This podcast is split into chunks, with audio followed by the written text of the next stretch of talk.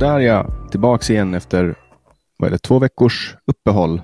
Det är krigstider, semestertider och annat som kommer emellan när man jobbar under sådana här omständigheter. Och det har hänt en hel del. Det är pågående offensiv. Vi har en, en mästerkock som har satt riktning mot Moskva. Eh, ryska tillgångar blir frysta. Ukraina förbjuder rysk litteratur. Korruptionen fortsätter. Ryssland har övervägt att släppa ut strålning i det här ockuperade eh, kärnkraftverket i Zaporizjzja. Vad händer hos dig, Kenneth?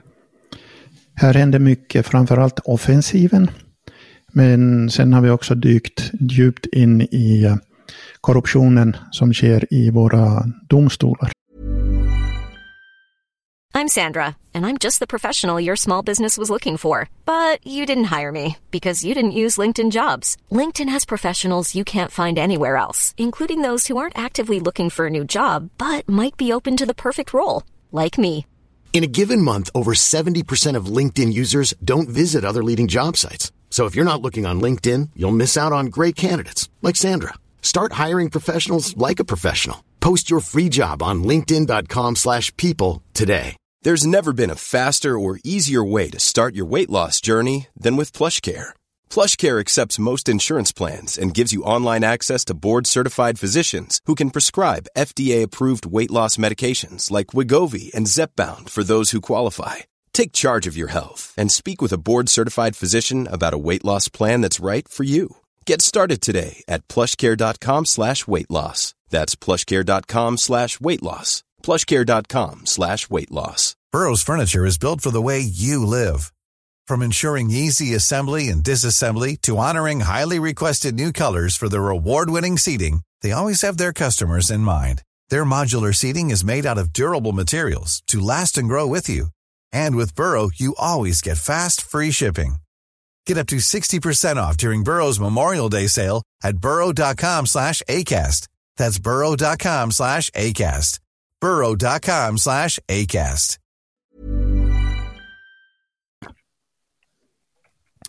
Om vi börjar med offensiven då. Vad, vad, är, vad är det senaste? Hur, hur är landvinningarna? Nu är det ju uh, total uh, fog of war. Det ges absolut inte ut någon riktig information annat än än generella. Och vad som har skett nu, eller som vi kan idag, så är att vi, vi avancerar på tre fronter. Och faktiskt enligt det sista bulletinen så har vi gått till och med två kilometer längre in mot eh, ryssarna. Alltså det vill säga vi börjar bita oss fast i den första försvarslinjen.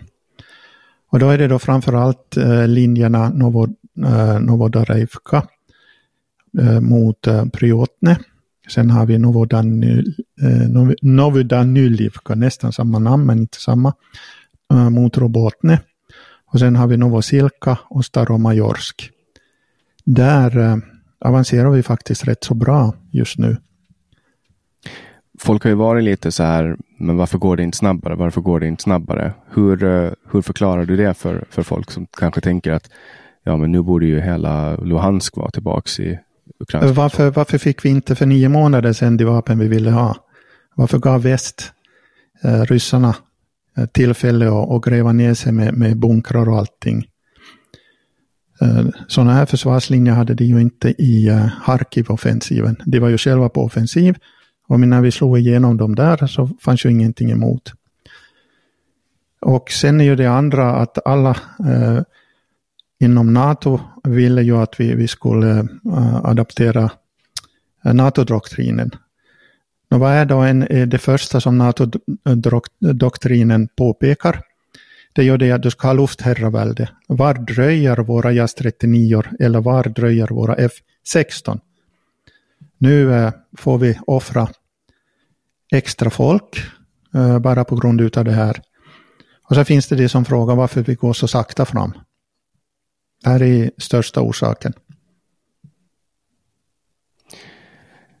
Okej, okay. och då om man kollar då på de, eh, de fronter som som man har gjort framsteg på. vad har reaktionerna varit från ryssarna förutom att då börja hota med att man ska spränga den här reaktorn i Zaporizjzja kraftverket? Eh, nu är det två saker som man börjar påverka mm, gemene rysk soldat. Eh, det första är ju förstås eh, vår offensiv och det är västvapen. De, de vet att vi har fått otroliga mängder med västvapen. Den andra är eh, Mästerkockens Eh, cirkus och det här har slitit mentalt hårt på, på de ryska soldaterna. Uh, nu när de är här på ockuperat område så är alla deras mobiltelefoner på roaming. Det vill säga ukrainsk operator. Och det betyder ju att uh, vår underrättelsetjänst väldigt enkelt kan komma in och avlyssna deras telefonsamtal hem. Och där kommer det mer och mer och mer fram att eh, de börjar bli uppgivna Eh, de börjar bli irriterade på, på sina officerare. Och många av de säger att om, om eh, ukrainarna kommer fram till linjen så de, kommer, de stannar inte för att slåss utan de kommer att, att dra sig tillbaka. Och försöker eh, någon hindra dem att dra sig tillbaka så blir den officeren skjuten. Det här är i dussintals telefonsamtal hem och, och det här är någonting nytt som mäter väldigt bra mm, mentaliteten, eller ska vi säga det mentala tillståndet hos uh, turisterna. Och hur uh, ser det ut nu när man har liksom, vad ska man säga, satt de här Wagner-soldaterna i exil? De har ju fått flytta nu till uh, Belarus och får mysa med Lukasjenko. Ja, nu vet ju ingen om det överhuvudtaget är där. Det har ju byggts en Eh, kamp för 8000 personer, men det finns inte 8000 personer där inte. Så, kan det vara så att de har återvänt till, eh, till Ukraina? Nej, i Ukraina finns det inte, utan det är, det är endera mm, åkt hem eller så har de vägrat att och, eh, an, ansluta sig till, till den vanliga ryska militären. Men i Ukraina är det absolut inte. Märks det på, på liksom stridsfärdigheterna? Ja, du ser ju nu hur vi, vi går framåt i, kring Bahmut. Uh, nu senaste kring Bahmut är ju det att vi också börjar avancera mot Solidar norrifrån. Och det är ju någonting helt nytt. och uh, mm, på, på, både norra flanken och södra flanken. Och nu hade jag satt in det och tagit in, uh, minns jag inte, jag hade min uppdatering vilka enheter de har tagit in men jag tror det var tre brigader. Så det har ju kring 50 000 man bara på det här lilla området och, och ändå så fortsätter vi att, att ta oss vidare. Mm. Och den här berömda tågrälsen har man i princip återtagit om jag förstår det rätt? Nej, inte, inte i, i Bahmut. Nu har vi bara en rekognoseringspatrull inne i själva staden. Men uh, det finns inte ryssar heller så mycket inne i själva ruinstaden utan eh, de försöker uppehålla sig på flankerna och, och eh, vi ser nu vad rekognitionstruppen kommer fram till när de har varit där och rapporterar. Mm. Och mycket av den här offensiven har, har snurrat kring Zaporizjzja. Hur är, hur är läget där och vad är det som händer vid kärnkraftverket egentligen? Ja, den som det visste Uh, nu är det ju väldigt mycket skrämselpropaganda och, och uh, ryssarna gör ju som tidigare, de, de sätter mera skrämsel i folk genom att påstå att de drar tillbaka några trupper. Eventuellt kan det vara att det är bara frågan om att, att byta. Uh, och sen är det det, sprängs den eller spränger de den så har du problemområde i, fem, en radie på fem mil därifrån, ingenting mer. Så det, de här skräckscenarierna är väldigt överdrivna. Det är väldigt svårt att, att spränga en, en reaktor eh, med tanke på dess konstruktion. Eh, och det, det är ett väldigt, väldigt tungt reaktorlock. Eh, och om man väl lyckas öppna upp det så är det väldigt begränsad spridning av de här radioaktiva ämnena. Det blir liksom inte ett Tjernobyl eh, om, man, om man får upp det, utan det är väl snarare en, begräns, alltså en väldigt begränsad strålning som, som man får upp. Nu är inte jag någon kärnreaktorsprängningsexpert, men så mycket som jag vet så är det väldigt svårt att det är lättare att släppa en liksom, atombomb, så att säga. Helt riktigt. Så är det. Och efter dammen då, vad har liksom har flodnivåerna börjat falla ner? Vi pratade om den här sprängningen. Eh, har, har liksom nivåerna gått ner, vattennivåerna? Hur är läget där? Eh, det har gått ner eh, till normalt. Ska vi säga nedströms och uppströms så har det ju nästan öken. Eh, nu är ju i alla fall marken där under eh, väldigt, väldigt våt. Så fast det nu går, men människa går på, på de här bottnen där så ser du fotavtryckarna. Så att ännu är det inte blivit någon sån här hård vägar där du kan använda tanks och komma på. Hur, ehm, liksom på ett humanitärt plan, när har man börjat få in, eh, liksom, har man börjat förstå hur det här har påverkat hittills mänskligt liv i området? Det är väl 2,7 miljoner människor som har blivit direkt lidande och sen har du då den indirekta lidandet som gör att det här är ju inte odlingsbara på flera år. Mm. Och eh, naturmässigt sett, eller ekologiskt sett, så är det ju en katastrof. Mm. Och nu är det ju sommar i allra högsta grad. Uh, och de ryssar som uppehåller sig på Krim, hur ser deras färskvattentillgång ut? Mm, ja du, det är en bra fråga. Nu har de väl satt upp sådana här eh, saltvattenanläggningar eh, för, att, för att göra det drickbart. Eh, mm. Själva behövs kanalen är ju... Det behövs ju ganska mycket ström till det också. Ja, det är det. Kanalen är ju tom.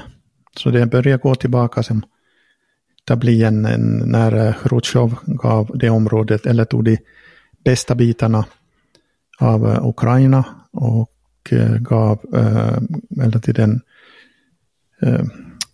området Ukraina som det hette under Sovjettiden, fick Krim. Det var ju en, en, ingenting i princip att ha. Och de tog områden kring Kursk och Belgorod som var de goda goda markerna. Så vi är på väg till, till samma tillstånd. Det är alltså på väg att bli en öken på Krim? Ja. Så om Ryssland, eller när Ryssland förlorar Krim, då kommer det att vara en svårbebodd plats? Det blir det. Eh, dammen ska byggas upp på nytt och innan du får tillräckligt med vatten till Krim. Kan det här vara en form av eh, högteknologisk eh, brända jordens taktik? Troligtvis. Eller så är det bara ren och skär dumhet. För det är ju inte första gången som ryssarna spränger en damm i Ukraina under krig. Nej, Nej det sprängde jag mindre dammarna också där i Herson. Så, att... så men förhoppningsvis sista. Uh, nu är det väldigt svårt att ta in all information som man får tag på, men jag har förstått att man har trängt sig in bakom linjer i Luhansk som har varit ockuperade sedan 2014. Finns det någon sanning i det?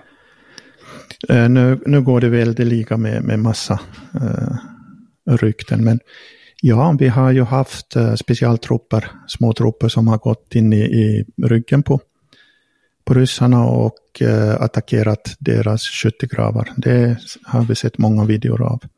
Så det stämmer så tillvida, men vi har inga större trupper som har gått i rygg. Just det. Uh, ja, så offensiven, uh, den rullar på.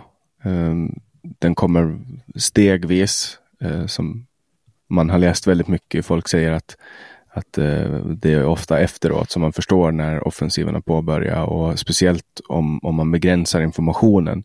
Att det är svårt att förstå vad det är som händer. Men vi kommer att fortsätta uppdatera på den fronten. Jag tänkte att vi ska ta oss an Prigozjins lilla cirkus. Vad fan var det som hände? Eh, precis, för eh, nu, nu måste vi analysera alltså först vad är tillståndet i själva Ryssland. Och jag vågar nästan påstå att eh, Ryssland är nära sammanbrott. Nu kommer jag få kritik för det här, men jag ska förklara det varför hur i all världen kan en eh, paramilitär grupp på säg 8000 man börja eh, marschera mot eh, Moskva. Och eliten i Moskva tillsammans med regering och allt blir livrädda och lämnar huvudstaden. Så i princip var ju Ryssland två dygn helt utan regering. Helt utan administration som, som ledde landet. Och eh, vad hade de då till försvar? Jo, de hade kravallpolis. Eh, man hade absolut, det var cirka 10 000. Och de hade då lätt beväpning. De hade inga, inga tunga vapen, inga pansarvagnar och inga, inget tungt artilleri. Så de skulle inte haft den minsta chans mot 8000 fullt och välbeväpnade elitsoldater.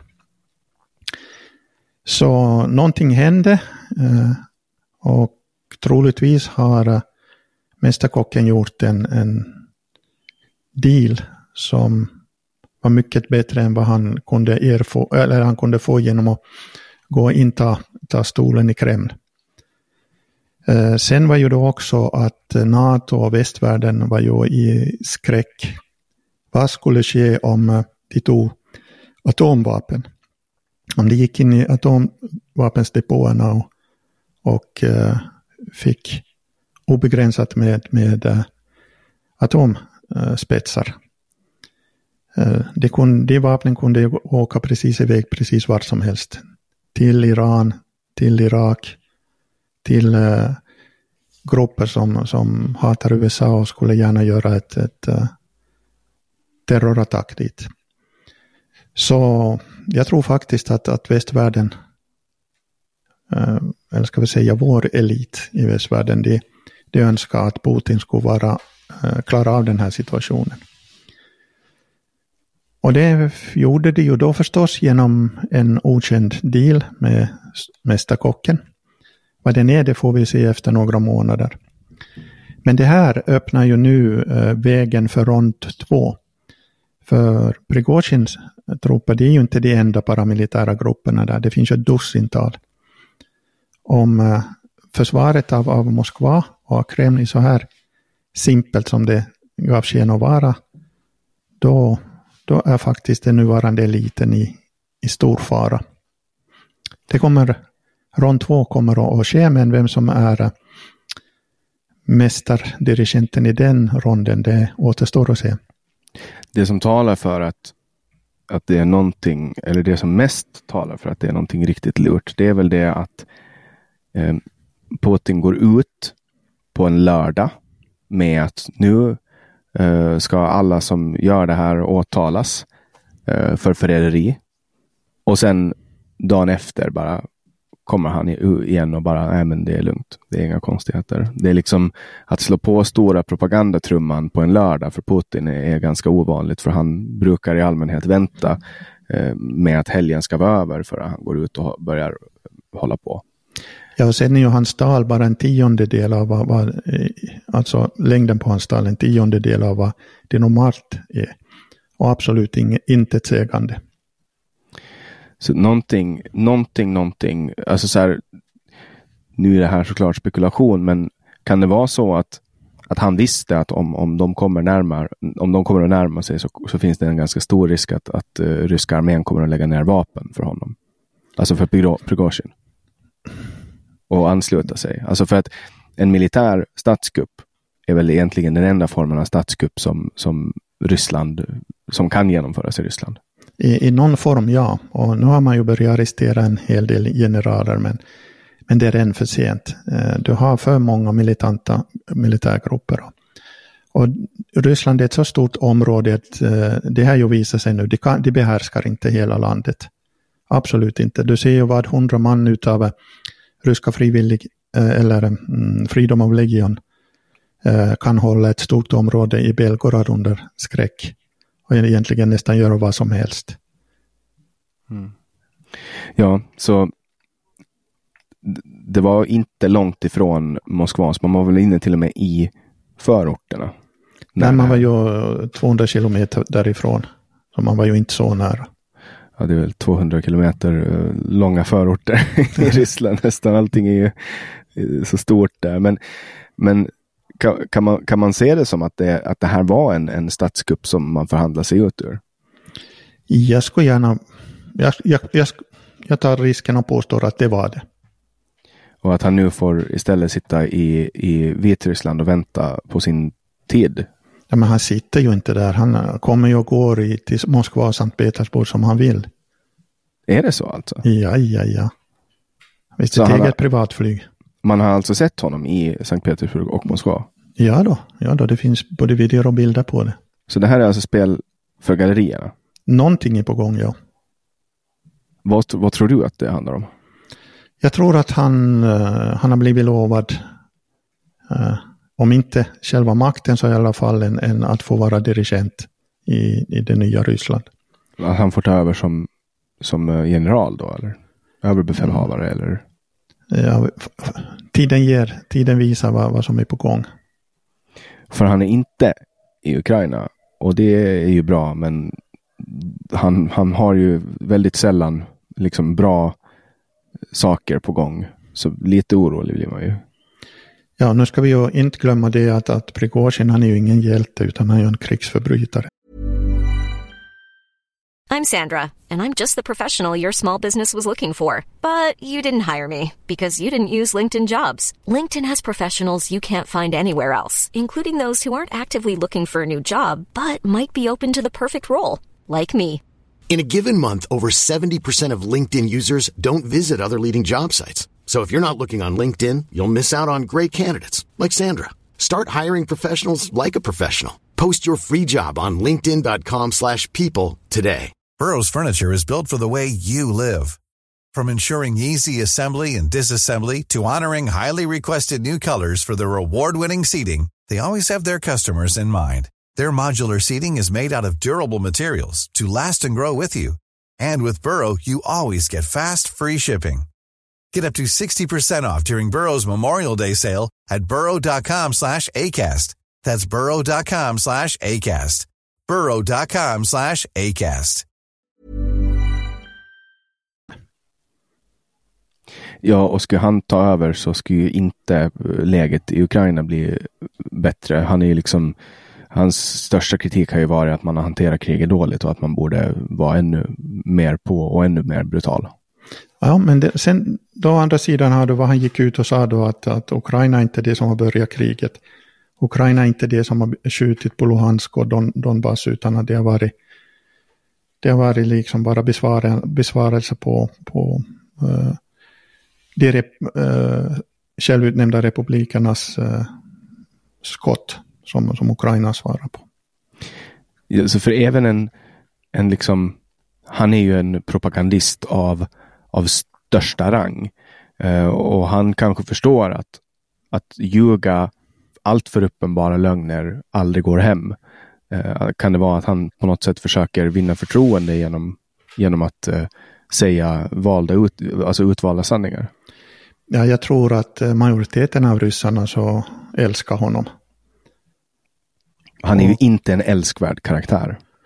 Nej, men han, han gör precis det vad ryssarna ska, vill ha. De vill ha en stark ledare som säger vad de ska göra. Så du såg ju hur, hur folket på Rostov-on-Don uh, behandlade honom som en hjälte när de den drog sig ut därifrån.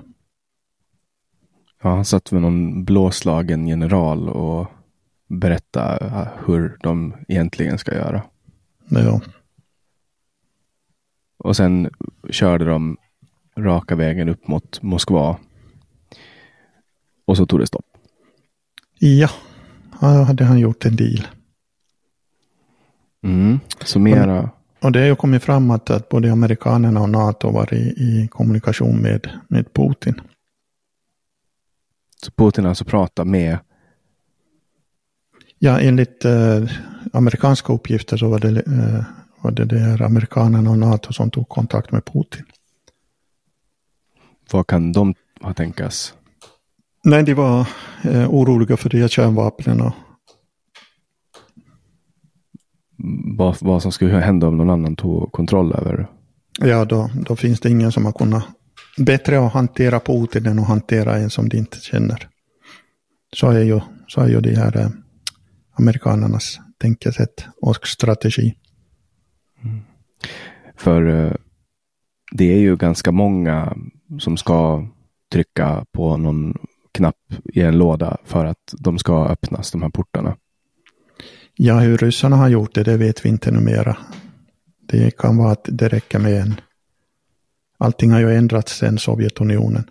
Sovjetunionen var ju så tillvida mer eh, förutsägbara i och med att, eh, att generalsekreteraren så hade ju om eh, politbyrån var oense med, med generalsekreteraren så var det ju politbyråns åsikt som vann. Nu hade ju ingen som Putins åsikt är den enda, ingen som kontrollerar honom. Mm. Jag minns att jag läste i början av kriget eh, att de har liksom någon form av skyddssystem. Att, att det, är, det är inte bara Putins knapptryckning utan det är flera som behöver trycka. Mm. Ja, en sak vad de säger och en sak vad, vad som är i, i, i kutym. Mm. Sen är frågan också vad, vad som funkar när de väl öppnas. Precis. De, har Precis. de är inte kända för, för sitt, um, sitt, sitt underhåll, om man säger så. Nej. Ryssarna. Nej. Uh, men, men det får vi hoppas på att det där är någonting som, som bara finns på teoretisk nivå och ingenting som kommer att hända. Um, hur har sommaren varit för Kievborna hittills? Den har varit väldigt varm och den är full av korruption, tyvärr. Och eh, nu ser det ut som viss, en viss typ av korruption så har egentligen växt under de här krigstiderna. Och den korruptionen så hittar man i våra domstolar. För eh, mm, problemet i Ukraina med domstolarna är att de är totalt självständiga. Det finns ingen som kan beordra en, en domare att göra någonting, inte ens presidenten. Och eh, det här har lett till att eh, väldigt många har sett sin chans. Eh, framförallt eh, företag som har varit i konkurs och mista sina lägenheter eller eh, fastigheter. Eh, de har nu skaffat sig pengar, går till domaren och säger att eh, de vill ha det här omprövat. Och eh, i och med att domaren är enväldig så kan han då helt enkelt säga ja, det gör vi men det kostar dig det och det.